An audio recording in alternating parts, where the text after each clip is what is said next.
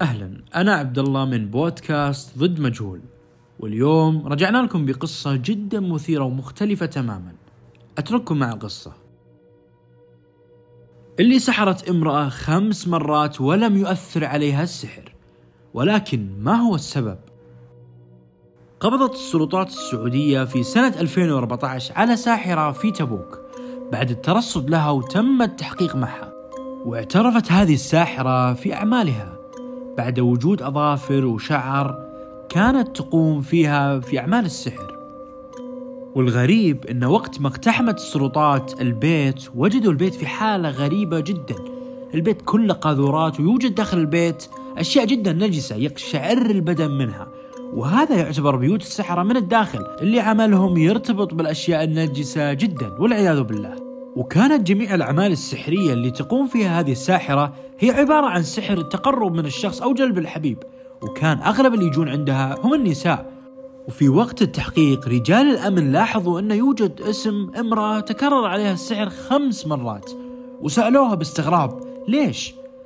فردت عليهم الساحرة كل ما جيت أعمل سحر لهذه الامرأة وأرسل الجن لها يجوني الجن ويخبروني أن البيت مهجور خالي من البشر تماما وهذه السيدة هي معلمة وعمرها 32 سنة ومتزوجة. وعندها أربع أطفال وتعيش مع زوجها حياة سعيدة. والمفاجأة أن المرأة اللي طلبت من هذه الساحرة أنها تسحر هذه الامرأة تكون زوجة عمها وأرادت أنها تدمر هذه الأسرة السعيدة. والسبب أنها كانت تبغى زوج هذه المعلمة أنه يكون لبنتها. وتقول الساحرة أنها ما قدرت تسحر هذه السيدة أبدا. وعجزت أيضا أنها توصل لهم. وعجزوا الجن للوصول لها اللي كانوا يخدموني في عمل السحر. وبعد ما سمعوا كلام الساحرة بحثوا عن رقم جوال المعلمة للتواصل معها والتحقق من كلام الساحرة إذا كان صحيح أو لا. واتضح أن الساحرة ما قدرت تسحر هذه المعلمة لأنها كانت تقرأ أذكارها حسب ما ذكرت هي. وأنها كانت حريصة جدا أنها يوميا تقرأ أذكارها.